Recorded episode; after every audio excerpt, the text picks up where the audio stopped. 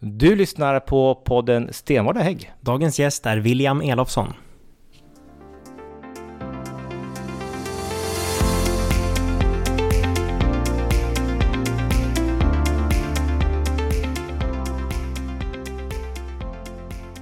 Då så har vi landat i residensstaden. Praktiskt, vi kan sitta på samma ställe där vi brukar spela in podden med dagens gäst. William Elofsson, kommunalråd i opposition för Moderaterna i Gävle och första namn i kommunvalet. Berätta lite kort, vem är William Elofsson? William Elofsson, ja som du säger, kommunalrådskandidat. Jag har bytt till den titeln nu för nu, nu ska vi ändra på det där om ungefär 40 dagar. Eh, och det ska bli riktigt, riktigt kul. Men jag är 27 år gammal, har haft den här rollen nu under mandatperioden. Men varit politiskt aktiv sedan ungefär jag var 15 år gammal. Så jag har en bakgrund inom partiet. Men vem jag annars är, så är jag i grunden en bomullsbo. Uppvuxen där ute. Som Patrik? Ja, precis som Patrik. Han är inte, du är inte uppvuxen i Bomhus? Nej, men jag bor i Bomhus. Vart är Bomhus? Born and raised Kapellvägen. Vid kyrkan, Bomhus kyrka. Ja, gamla Bomhus. Gamla Bomhus, självklart. Eh, Arbetarkvarteren. Ja, det är gamla tjänstebostäder för, för Korsnäs. Uh, så, så där växte jag upp, gick på Kastets skola, men det var då inte den skolan det Blev. har varit och, och blev, utan då var det Montessori skola, så den var lite mer normal då.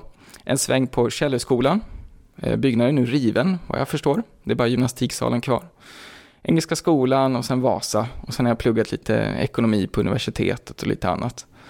Så det, det är liksom min snabba resa genom Gävle. Men det kanske inte säger så mycket vem jag är, jag vet inte. Men vad gör du annars då, när du inte är politiker? Har du någon fritid? Alltså som politiker är det ju ofta att man är politiker. Man är ju alltid politiker. Men vad gör du annars? Ja, man, en man- lördag. Men man är ju alltid politiker. Det var senast igår min mamma ringde upp mig och ville ta upp en politisk fråga. Så jag trodde bara hon ville kolla hur det var. Hon har precis kommit hem för hon har varit på utlandssemester. Nej, då hade hon retat upp sig på någonting och ville ta upp någonting politiskt med mig. Eh, Men på semester, jag gillar att träna. Det var så jag avslutade gårdagen. Jag tycker om god mat. Jag tycker om att resa. Så pandemin har varit riktigt, riktigt tråkig för att man inte fått resa så mycket som man vill. Eh, Så jag hann med några korta resor nu i sommar. Så det var skönt att ladda batterierna på det viset faktiskt. Ditt restips, har du något sånt? Ja, det beror ju på vad man vill göra. Vi var i Grövelsjön över natten. Det var faktiskt riktigt trevligt. Vi åkte upp till fjällstationen, stannade där i två nätter och gick över till norska sidan och tillbaka. En alldeles perfekt dagsvandring. Och sen upptäckte jag att Mackmyra har ju små whiskyflaskor i så här picknickformat. så för att göra lite reklam för dem också så köpte jag med mig varsin sån till mig och min flickvän då, som vi kunde sitta och dricka där på norska sidan. Du smugglade sprit till Norge alltså? Det var precis det jag gjorde, men jag drack upp den själv, så jag sålde den inte. Ehm, men som sagt, vi var inne på det. Du är eh, kommunalråd i opposition nu. Vi satsar på att vi ska ta bort det här i opposition. Mm. Eh, vilken är den viktigaste valfrågan här i Gävle inför valet nu i höst? Det är ju trygghetsfrågan och det är plånboksfrågor. Och det hänger ju ihop. Det är ju frågor som mycket har med kommun och riksdag att göra. Men det beror också på hur brett man tittar på trygghetsfrågan. Ska det vara trygg på äldreboendet? Om man nu har varit på sjukhuset, det är ni, ni ansvarar för som politiker. Hur, hur är vägen sen tillbaka? Man har ju tagit bort det som är korttidsboendet. Det innebär ju att antingen ska du åka hem eller så håller du en sjukvårdsplats helt i onödan trots att du är färdigvårdad men kan inte ta hand om dig själv. Det gillar vi, eller hur Alexander? Men, Korttidsboplatser, Ja, ja, absolut. och de togs ju bort tyvärr, men där har vi faktiskt som kommun tagit vårt ansvar både för att vårdkedjan ska funka men framförallt för att det ska vara tryggt för individen. Men trygghet handlar ju också om att när du går hem från jobbet, när du går hem från kvällsträningen, då ska du också vara trygg. Eller för den delen en ordning och reda i skolan. Men sen är det ju plånboksfrågorna. Och det här handlar om att vi vill sänka kommunalskatten lokalt. Avgifter ska vara låga. Men det är också en riksfråga. Vi ser ju nu att inflationen tar fart. Vi ser få åtgärder från riksplanet för att hämna det. Och samtidigt har vi höga skatter på bränsle. Vi ser att de vill eventuellt ta bort reseavdrag. Vi ser hur eh, andra skatter ska höjas, till exempel den här beredskapsskatten. Man tittar på en fastighetsskatt. Skulle den införas så är det många tusenlappar extra i månaden för den vanliga Gävlebon som bor i villa.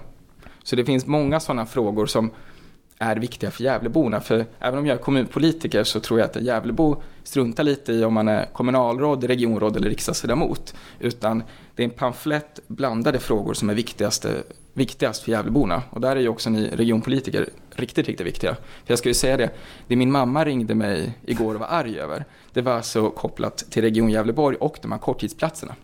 Så det var Okej. faktiskt det hon ringde upp för eh, vi har en anhörig som ligger på sjukhus.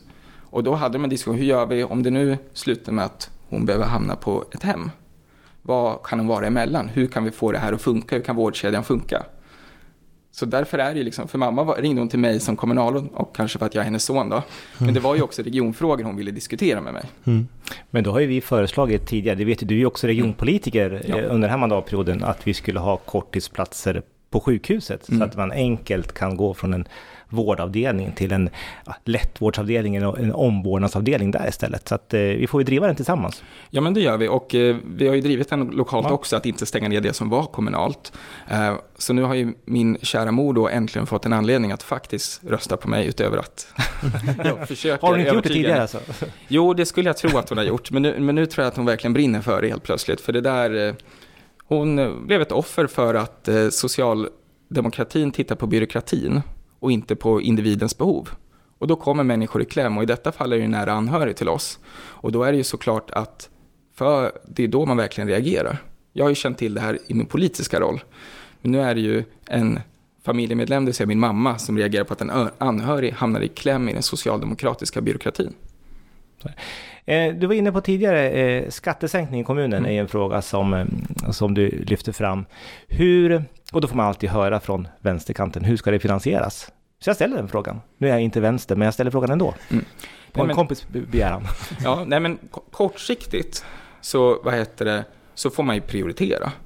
Det handlar om att effektivisera, men om vi tittar nu under till exempel förra mandatperioden, eller förra året, när vi skulle budgetera, då la vi mer pengar än Socialdemokraterna på skolan.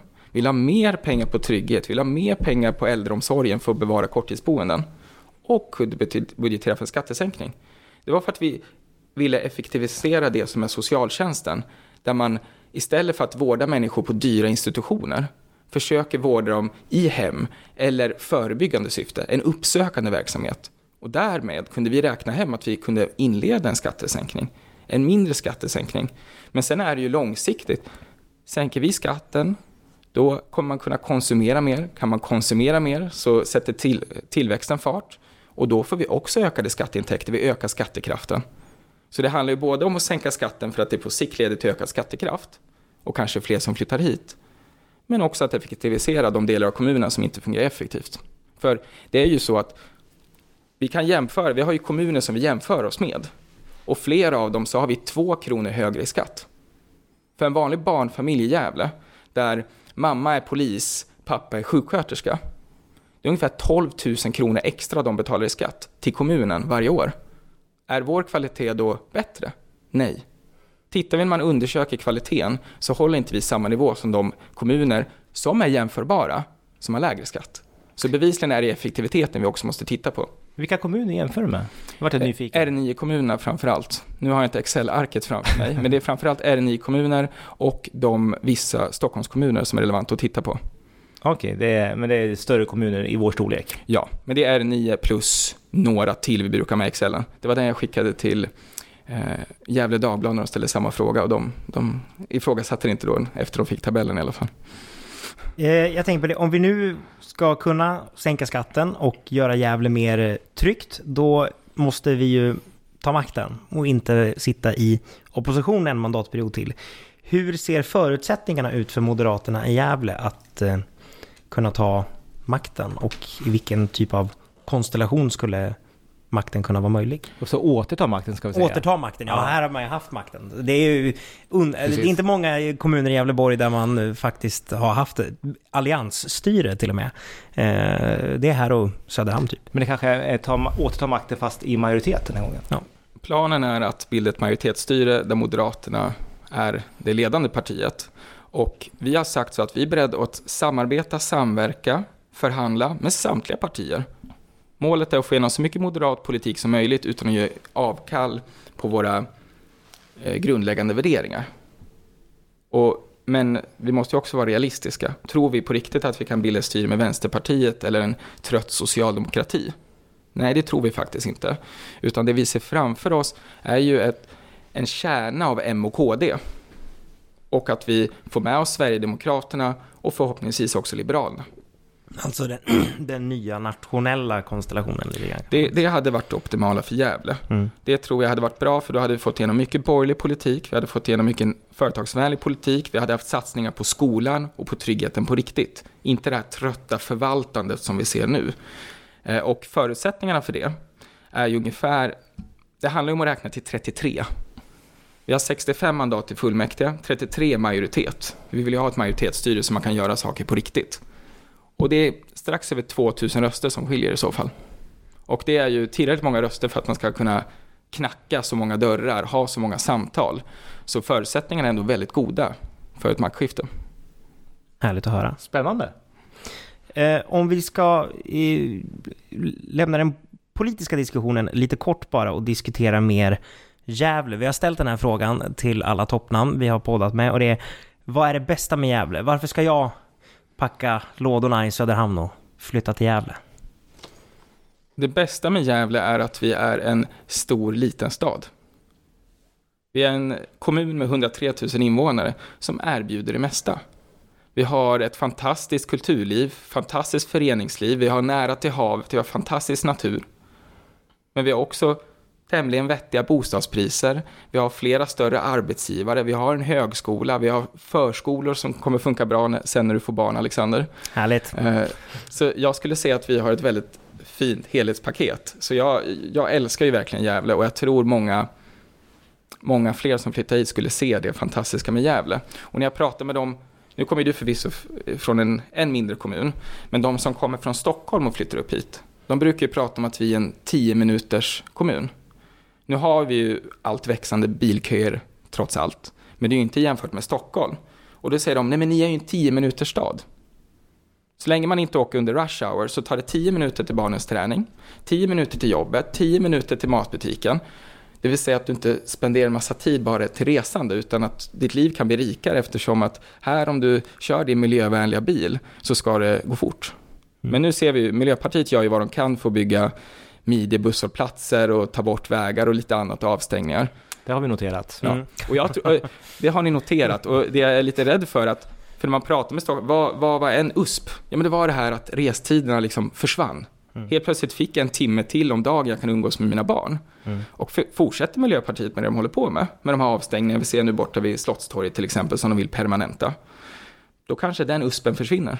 Men vill vi få ökad skattekraft, vill vi sänka skatten, vill vi lägga mer pengar på skolan, då måste också fler skattebetalare flytta hit. Fler barnfamiljer där mamma och pappa betalar skatt. Både du och jag är ju relativt ung för att ha de uppdrag eh, vi har som oppositionsråd i kommun och region. Eh, på vilket sätt ser du att vara ung inom politiken på ledande position är en styrka? Kan också, om det finns liksom, om du tror att vi möter hinder man kanske inte hade gjort om man var lika gammal som Patrik till exempel. Kommunsport, och jag misstänker också regionsport, det är en lagsport. Ja. Så vad en enskild individ har för erfarenheter, det är inte en styrka i sig, utan det är vad vi samlar tillsammans. Och jag är ju tacksam för att vi har ett sånt brett och stort lag här i Gävle. Eh, På vår valsedel bland de som vi vet kommer in så kommer den äldsta vara 76 och den yngsta kommer vara 18 som har fantastiska erfarenheter att dela med sig av som vi tillsammans kan göra någonting riktigt bra av. Och för egen del, jag kan ju bara fundera på vilka mina styrkor är. Och jag tror en av dem är att jag är ganska driven, jag har mycket energi, jag är ganska envis men också ödmjuk. Det vill säga att jag är beredd att jobba hårt för det jag tror på, men blir jag motbevisad så är jag ödmjuk i det. Så det tror jag är det jag bidrar med till laget, medan andra bidrar med andra erfarenheter och kunskaper. Jag kan säga, av egen erfarenhet säga att man glömmer lite grann bort sin egen ålder ibland, alltså när man är inne i jobbet. När man hänger med alla äldre. Ja men eh, när jag hänger med podd, hur gammal är du nu? Nej men, men, man, nej, men alltså man, man kommer in i jobbet på ett annat sätt och liksom, det blir som vilken annan arbetsplats som helst lite grann när man liksom jobbar med människor som du säger, som kan vara allt mellan 18 och 85. Eh, och det är ju ett lagarbete och det blir ju, man har liksom inte tid att sitta ner och fokusera på varandras ålder egentligen. Nej, men det handlar ju om värderingar och Ja. medan någon har arbetslivserfarenhet har jag till exempel erfarenhet av att jag har studerat ekonomi på universitet. Så det, det som är ekonomidragningar och annat har jag bättre koll på än kanske det med längre arbetserfarenhet som inte har jobbat med sådana frågor. Så där är också, trots att man måhända är något yngre, så har man ändå samlat på sig annan kunskap genom att man har pluggat vidare och det man har jobbat med. Men eh, det är helheten man måste titta på. Och ja, det var väl en företagare jag träffade helgen som spontant kastade ur mig, du måste vara Gävles yngsta 65-åring. Så på, på något sätt tror jag man som ung politiker kanske blir- är lite lillgammal och kan tilltala äldre. Men jag tror man snarare är en främmande fågel kanske för yngre, eftersom man kanske låter väldigt korrekt eh, i sin yrkesroll. Mm. Men det är ju sådana frågor man, man diskuterar. Nu har vi kommit till den här delen där vi ska, som heter nytt för den här, just den här Mm. podden. Vi ska ha tre snabba dilemman som du ska Okej. svara på. Och då ska du välja mellan två, eh, två olika saker. Jag tänkte säga två olika onda ting, men, men jag säger inte den. Jag tänkte så.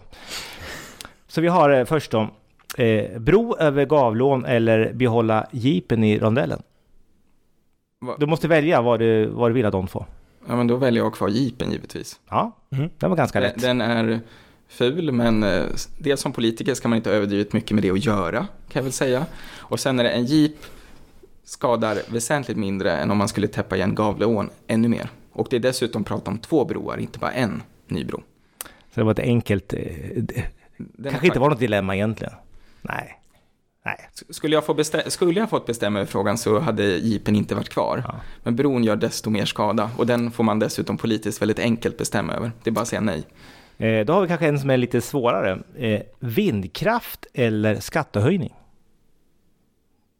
Vindkraft som är havsbaserad, inte kustnära. Den var också enkel. Mm. Är den fem mil ut har vi sagt att vi är okej med den. Så då, då är vi fine. Men är den kustnära eller landbaserad, då säger Moderaterna jävla nej. Okej, så att ska- skattehöjning fem mil ut. Skattehöjning fem mil, absolut. Nej, skattehöja stopp. Det, skatten ska sänkas i Gävle. Så då, eh, vindkraft men fem mil utanför. Ja, Ja, Ja. det var ett enkelt svar. Mm. Eh, sen har vi eller politikersvar. Ja. Sen har vi en sista, den är ju lite personlig här då. Eh, Socialdemokraterna har ju två kommunalråd, Mm. eh, än så länge. Eh, om du får välja då, Åsa eller Jörgen? Om jag nu måste välja så blir det nog Jörgen. Han är mer pragmatisk, han är medgörlig. Åsa sitter med ideologiska skygglappar många gånger och vill inte ta in det som jag upplever är verkligheten. Sen kan de vara bra i andra sammanhang, men Jörgen lyssnar och man kan hitta kontaktytor. Det var kanske inte så svåra dilemman, men, men ändå. Eh, bra svar tycker jag. Mm. Jag tycker det var kul dilemma. Ja. Men du, nu ska vi avsluta Mm. eh, av den här podden och då gör vi alltid så att vi har eh, hisspitchen, det vill säga Mm. alltså om du skulle eh, hamna med eh, någon eh, Gävlebo i hissen på Stadshuset och kliver in och så frågar varför ska jag rösta på Moderaterna? Vad svarar du då? Alltså, jag ska ge en hisspitch givetvis, men fråga någon mig, då brukar jag fråga vad de tycker är viktigt. För annars kan man ju helt plötsligt sitta och stå och prata om en fråga som de inte tycker är så viktig. Så jag svarar alltid med en motfråga när jag får den. Men Då hinner du inte svara innan hissen är framme. Jo då, jag håller fast den. Jag, jag trycker på den här stoppknappen och håller in den tills vi är klara. Och sen, så här har du valsedeln. Eh, nej men, det handlar om ett tryggare Gävle. Det ska vara tryggt i skolan, ordning och reda. De unga ska vara trygga att de klarar skolan. Det ska vara tryggt på äldreboenden. Man ska kunna välja sitt äldreboende och personalen ska kunna svenska. Och det ska vara tryggt när du går hem från jobbet, när dina barn åker hem från skolan och träning. Ett tryggt Gävle får ni med Moderaterna. Ja, men det var ju tidsmässigt eh, helt, helt rätt. Ja, men, nu, men nu kanske du sitter och funderar, ja men näringslivsfrågan är en annan fråga som är viktig för Bomhusbor. Och det är därför jag brukar inleda med frågan när jag har tid. Ja, och- För, för ni Bomhusbor kanske brinner om nå- över något annat än just det. Så, men min generella hisspiss, det är ju tryggheten. För jag är helt övertygad om att det är den viktigaste frågan för Gävleborna. ja. Toppen! Då tackar vi William Elofsson för att du kom och gästade den här podden och så hoppas vi på att Moderaterna återtar makten i Gävle kommun efter valet och ja, i en maktskifte på alla nivåer vad gäller Gävle kommun, regionen och regeringsmakten. Så vi tillsammans kan fixa de här korttidsplatserna. Jajamän, det löser vi direkt. Första året kommer det vara avklarat. Då är de tillbaka. Tack så mycket för att du var med. Stort tack!